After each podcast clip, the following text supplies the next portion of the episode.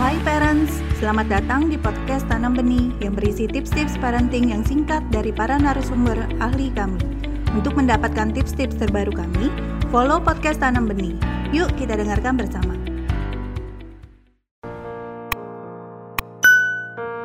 When it comes to mental health, it's something that you cannot see, but it shows through their actions.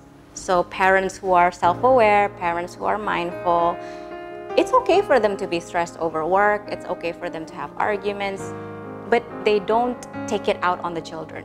They don't um, project to the children. They don't end up, wow, you know, reacting uh, to if their children misbehave, they end up overly angry or overly upset. And they can, like, okay, calm down. I'm upset because of work. I'm tired because of an argument I've had. And my children has nothing to do with that.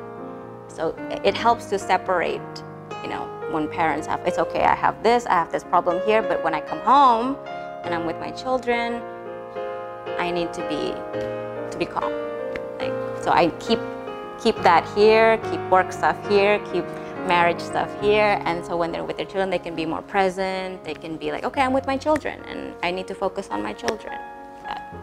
Yes, most of the time when we are not self-aware, what happens is that we end up repeating mistakes that our parents made to us. So if we have unresolved issues from our childhood, if we have unresolved um, problems with the relationships between us and our parents, and we, we're not aware, uh, we don't take the time to take care of that, what happens is we repeat the mistakes that our parents made and we repeat it to our children.